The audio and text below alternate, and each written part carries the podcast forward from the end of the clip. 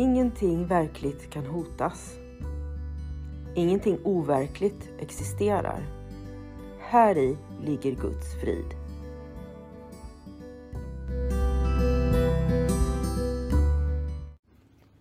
Mitt namn är Magdalena Wiklund och den här podden handlar om hur jag fann frid.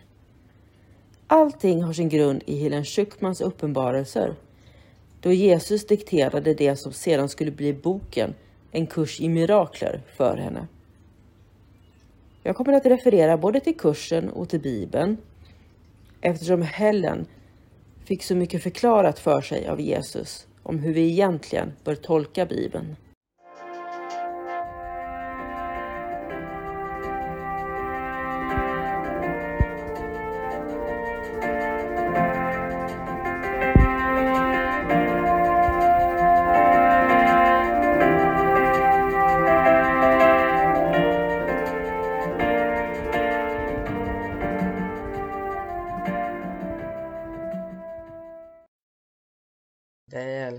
Till en kurs i mirakler. Idag går vi vidare med textboken. Sist läste vi i kapitel 1 som heter Miraklernas mening. Del 4 Räddningen undan mörkret. Idag fortsätter vi med del 5 som heter Helhet och ande. Miraklet är mycket likt kroppen så tillvida att båda är läromedel för att främja ett tillstånd där de blir onödiga.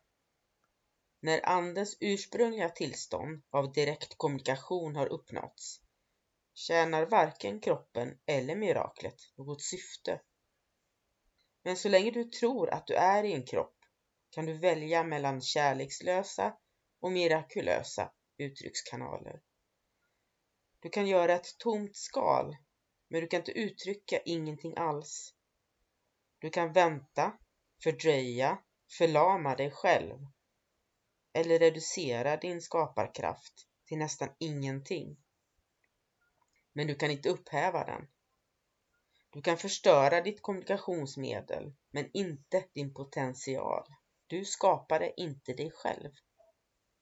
Det här stycket ger dig ett löfte ger oss allihopa ett löfte om att vi är fullkomliga för all framtid. Det är Gud som har skapat oss och oavsett vad vi försöker göra så kan vi inte förstöra. Vi är skapade av Gud och Gud har givit oss en skaparkraft som vi visserligen kan reducera till nästan ingenting, men den finns där. Det går inte att upphäva den därför att det är Gud som har skapat den. Vi kan förstöra vårt kommunikationsmedel men inte möjligheten att kommunicera. Vi kan sluta att kommunicera. Gud tvingar sig aldrig på oss. Men möjligheten kommer alltid att finnas kvar där för oss. Och här likställs också miraklet med kroppen på det sättet att både miraklet och kroppen är läromedel. Och vi använder oss av mirakel på samma sätt som vi använder oss av kroppen för att få ett tillstånd där båda inte längre är nödvändiga. När vi är i direkt kommunikation med Gud, då tjänar varken kroppen eller miraklet något syfte. Då kommer inte fler mirakler att ske och kroppen kommer vara någonting som vi bara lägger ifrån oss, som ett använt klädesplagg. Men det är så, så länge vi tror att vi är en kropp så kommer kroppen så att säga finnas kvar för oss just för att Gud inte gör våld på oss. Och kroppen är ju ett tomt skal. Det har vi pratat om tidigare när vi pratade om att gå från sjukdom till hälsa. Så kroppen är ett bara ett tomt skal, men vi kan inte låta bli att uttrycka någonting. Vi måste uttrycka någonting trots att kroppen bara ett tomt skal, för vi har ju någonting inom oss vi har ju ändå ett sinne och ibland också ett ego tyvärr. Så vi kan göra väldigt mycket negativt genom ego. Vi kan vänta, vi kan fördröja, vi kan förlama oss själva eller reducera vår skaparkraft.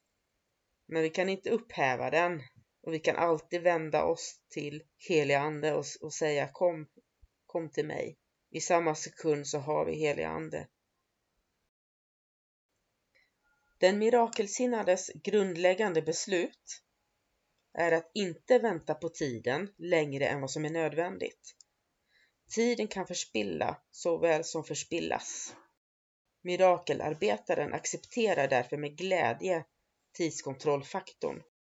Han förstår att varje tidkollaps för alla närmare den slutliga befrielsen från tiden, i vilken sonen och fadern är ett. Likvärdighet inbegriper inte likvärdighet nu. När var och en förstår att han har allt kommer inte längre individuella bidrag till sonskapet att vara nödvändiga. Så här börjar vi med att prata om mirakelsinnad. Den mirakelsinnades grundläggande beslut att inte vänta på tiden mer än nödvändigt. Att vara mirakelsinnad, det innebär att ha helig ande inom sig. Miraklerna kommer ju inte av oss, det kommer av helig ande. Har vi helig ande i oss, då är vi mirakelsinnade. Och när vi är mirakelsinnade, då är vårt grundläggande beslut, det betyder att alla beslut som vi tar vilar på vårt grundläggande beslut. Det vilar på att vi inte väntar på tiden mer än vad som är nödvändigt. Tiden är till för oss. Den är till för att vi ska kunna använda den eftersom vi inbillar oss att vi behöver det i den här illusionen. Och tiden den kan ju användas antingen till att förspilla, det vill säga att slösa bort tiden nu när vi ändå har den. Att inte använda oss av alla de möjligheter vi har till helande. Att bli helade och att hela andra. Att utsträcka Guds kärlek. Och tiden kan också förspillas, vilket innebär att att vi på ett mer ogenomtänkt sätt använder oss av tiden. Att vi gör andra saker som vi kanske tror eller just då tycker är meningsfulla. Som att titta på en tv-serie därför att det känns meningsfullt. Utan en tanke på vad vi egentligen förlorar för möjligheter till att hela och bli helade. Mirakelarbetaren, det är du och jag det. Det är vi som ändrar vårt sinne för att vi vill helas, för att vi vill hela världen. Vi accepterar tidkontrollfaktorn och vi gör det med glädje. Det betyder att vi accepterar att tiden finns så att säga i den här illusionen. Därför att vi, har, vi förstår att vi kan använda den och hur vi kan använda den. Och vi, vi förstår också att varje tidkollaps för alla närmare den slutliga befrielsen från tiden. Och en tidkollaps, det är ju till exempel när det uppstår ett mirakel, då kollapsar tiden. Ett mirakel kan korta tiden med flera tusen år, eller med en evighet om vi så väljer. Som, som ett exempel, tänk på när man är förälskad, man umgås med någon som är förälskad. Tiden bara försvinner. Man känner att man är ett, att man hör samman. Det är ett ganska lättförståeligt exempel på en tidkollaps. Och den här tidkollapsen, det för oss allihopa närmare den slutliga befrielsen från tiden. Och vad kommer hända då? Jo, då kommer sonen, det vill säga du, jag, systrar och bröder, vi och Fadern kommer att vara ett. Så att jag började med att jämföra hur vi kan känna oss ett tillsammans med våra partner. Det är en form av tidkollaps och det kommer att föra oss närmare den slutliga befrielsen från tiden. Där vi är ett med våran fader, med våran Gud och då kommer tiden aldrig mer tillbaka. Utan den där känslan som man har när man är jätteförälskad och tiden bara försvinner. Den känslan kommer att vara där för evigt. Och då blir vi också likvärdiga med, med Gud. Men det står också att likvärdighet inbegriper inte likvärdighet nu. Innan vi blir ett med Gud så måste vi också förstå att vi har redan allting. Du och jag måste förstå att vi har allt, att vi inte behöver någonting mer. När allt det här har hänt, när vi förstår att vi inte behöver något mer, då kommer inte längre individuella bidrag, ditt och mitt bidrag till sonskapet, att vara nödvändiga. Det du och jag bidrar med, det jag gör just nu när jag producerar den här podden för att sprida kunskapen om kursen och vad den innebär, det kommer inte vara nödvändigt längre när vi är ett med Gud. När soningen har blivit fullständig kommer alla talanger delas av alla Guds söner. Soning, det har vi pratat om tidigare vad det är för någonting. Det är när vi inser både intellektuellt men framförallt erfarenhetsmässigt i vårt hjärta att vi lever i en illusion och att vi, det finns ingen synd, det finns ingen skuld, vi är fullkomliga, vi är ett med Gud. När det här har skett, när det är fullständigt, när du, jag och allihopa har tagit emot soningen för egen del, då kommer alla våra talanger att delas av oss allihopa. Det jag kan, det kommer du kunna och det du kan, det kommer jag kunna. Därför att Gud är inte partisk.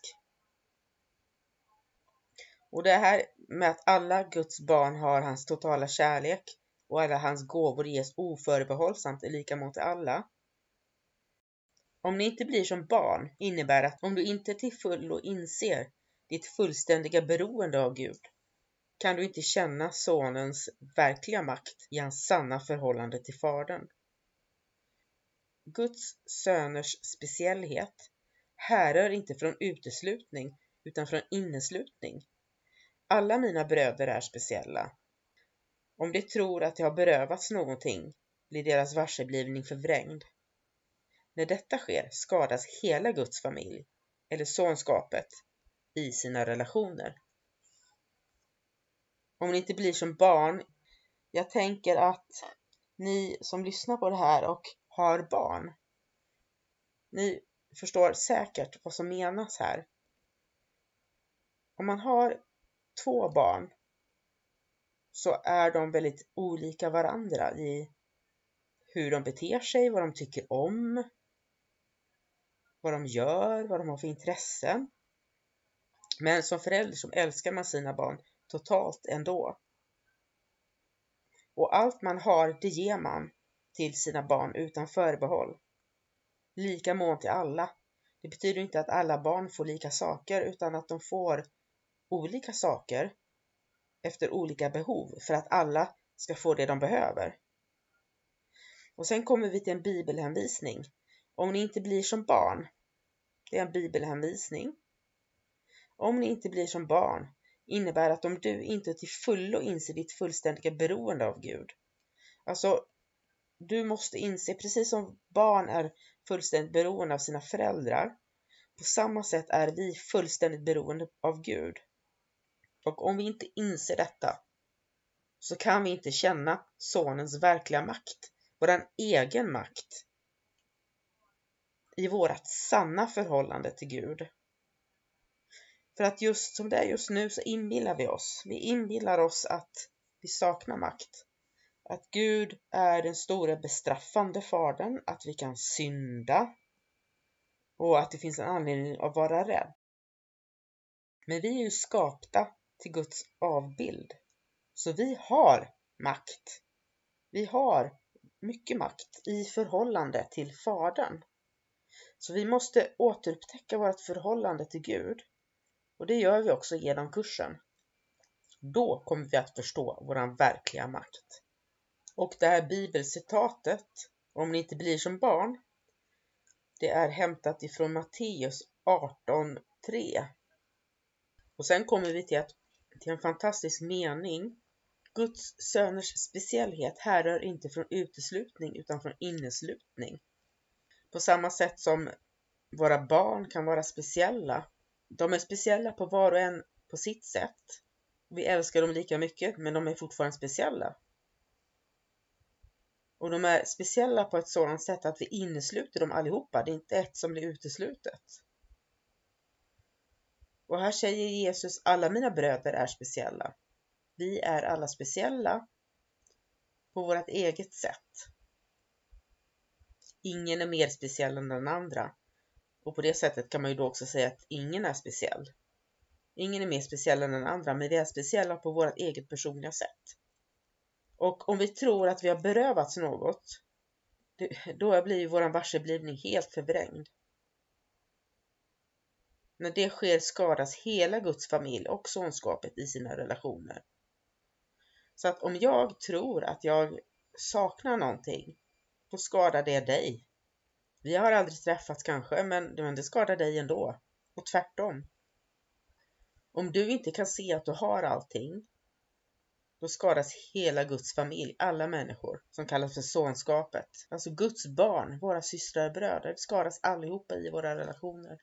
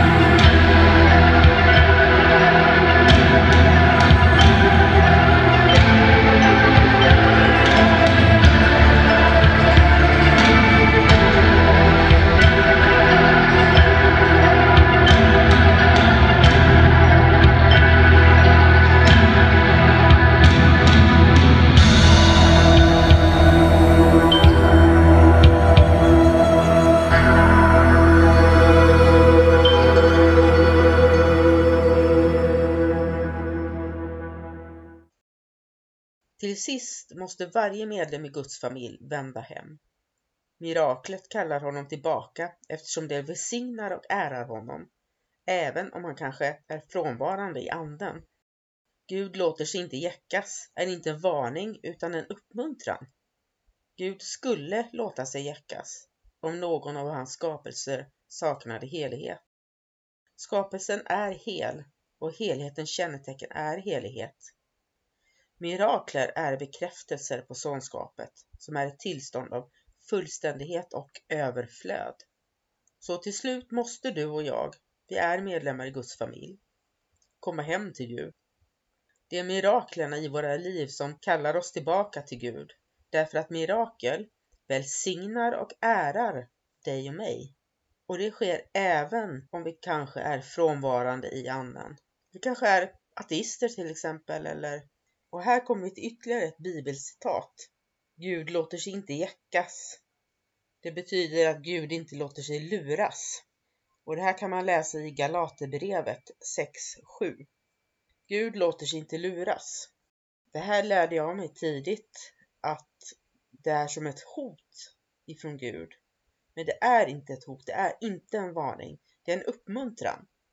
För att om Gud skulle låta sig luras av någon av hans skapelser, av dig och mig, så skulle det innebära att vi saknar helighet. Men skapelsen den är ju hel. Vi är ju ett med Gud säger vi hela tiden genom kursen. Och heligheten kännetecknas ju av helighet. Så om vi är ett med Gud, hur ska vi då kunna lura Gud? Det är som att lura sig själv. Och mirakler är bekräftelser på sonskapet. När det sker miraklet så bekräftar det att vi är systrar och bröder, att vi är ett. Det bekräftar sonskapet som ett tillstånd av fullständighet och överflöd. Fullständighet som helhet, överflöd, att vi inte saknar någonting alls. Allt som är sant är evigt och kan inte förändra eller förändras. Andan är därför oföränderlig eftersom den redan är fullkomlig. Men sinnet kan välja vad det vill tjäna. Det enda som begränsar dess val är att det inte kan tjäna två herrar. Sinnet kan, om det väljer att göra det, bli det medium genom vilket anden skapar i enlighet med sin egen skapelse. Om det inte frivilligt väljer att göra det, behåller det sin skapande potential, men ställer sig självt under en tyrannisk snarare än en auktoritativ kontroll. Detta leder till att det fängslar eftersom det är tyranners påbud. Att ändra ditt sinne innebär att ställa det till den sanna auktoritetens förfogande. Så återigen får vi här en garanti, ett löfte. Vi kan inte förstöra någonting. Allt som är sant är evigt och kan inte förändra eller förändras. Och Gud är ju den som har skapat det eviga, sanningen.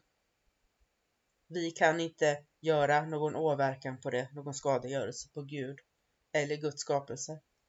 Så vad du än upplever dig ha gjort i livet så har du aldrig syndat. Du har inte gjort något fel. Anden är därför oföränderlig, så det som finns inom oss är oföränderligt. Den delen som kommer ifrån Gud, den delen som är sann. Eftersom den redan är fullkomlig. Men vårt sinne kan ju faktiskt välja vad det vill tjäna. Och här kommer vi återigen till det här kruxet som finns genom hela kursen. Vi kan välja om vi vill tjäna egot eller Gud. Så vi kan vara som ett medium genom vilken anden skapar i enlighet med sin egen skapelse. Gud kan använda oss som sina mirakelarbetare för att skapa det han vill. Och det är ju frivilligt från vår sida att göra det. Om vi inte vill göra det, då väljer vi att gå med egot som är en tyrann. Gud är en auktoritativ kontroll, alltså han är auktoritär på ett annat sätt, men han är inte tyrann. Gud är ju Gud. Om vi väljer egot så kommer vi att fängsla. Vi kommer att fängsla andra genom att döma dem och vi kommer att fängsla oss själva genom att döma oss själva. Så om vi ändrar vårt sinne så kan vi ställa det till den sanna auktoritetens förfogande. Till Guds förfogande. Guds auktoritet handlar om att älska och att skapa. Miraklet är ett tecken på att sinnet har valt att låta sig ledas av mig i Kristi tjänst. Kristi överflöd är det naturliga resultatet av att välja att följa honom. Alla ytliga rötter måste dyrkas upp eftersom de inte är djupa nog för att stödja dig. Illusionen att ytliga rötter kan växa djupare och därigenom få fäste är en av de förvrängningar på vilken motsatsen till den gyllene regeln vilar. När dessa falska stöttor ges upp upplevs jämvikten tillfälligt som instabil. Ingenting är emellertid mindre stabilt än en upp och nervänd orientering. Inte heller kan någonting som håller den upp och ner bidra till ökad stabilitet. Så det sista stycket här säger att när vi upplever mirakler så är det ett tecken på att våra sinnen har, har valt att låta sig ledas av helig ande i Kristi tjänst. Vem väljer du att ledas av? Om vi låter oss ledas av helig ande, då kommer det bli uppenbart för oss att vi har ett överflöd. Kristi överflöd är nämligen det naturliga resultatet av att följa honom. Så att om vi väljer att följa honom, då kommer vi få ett överflöd. Det är ytterligare ett löfte. Det kommer att ske naturligt. Och här kommer vi till någonting som jag tror är ett bibelcitat. Om det är någon som vet, hör gärna av er. Alla ytliga rötter måste ryckas upp eftersom de inte är djupa nog för att stödja dig. Vi måste ha en fast tro. Att välja att gå med egot, det kommer aldrig någonsin bli stabilt. Egot luras. Det är egot som försöker jäcka oss. Men om vi följer Gud så kommer våra rötter att växa djupare ju mer vi praktiserar kursen. Att tro att ytliga rötter kan växa djupare och bli stabila, få fäste, det är en illusion. Låt oss ha en djup kontakt med Gud, med helig ande. För de här grunda rötterna, det blir, det blir falskt. Stycket fortsätter med att prata om falska stöttor, så det här är ju väldigt symboliskt alltihopa. När man har falska stöttor eller grunda rötter så kan det ju upplevas som en jämvikt. Precis som ett träd som har grunda rötter. Det kan stå väldigt stabilt i vackert väder men börjar det blåsa så kommer ju det att trilla omkull på en gång. Vi behöver ha rötter som går djupt. Vi behöver ha en stark och fast tro. Och egot luras. Så låt oss gå med helig ande. Ingenting är mindre stabilt än en upp och nervänd orientering.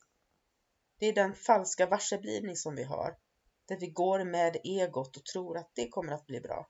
Så låt oss gå med helig ande. Du har hört läsning ur den kompletta utgåvan av en kurs i mirakler, femte upplagan tryckt i Mikkele, Finland år 2017. Jag har läst med tillstånd av Regnbågsförlaget. Bibliska citat har hämtats ur Svenska folkbibeln från 2015, hämtad från Gideon Bible App. Appen är utgiven 2022 av The Gideon International och jag har läst med tillstånd av Gideon Sverige.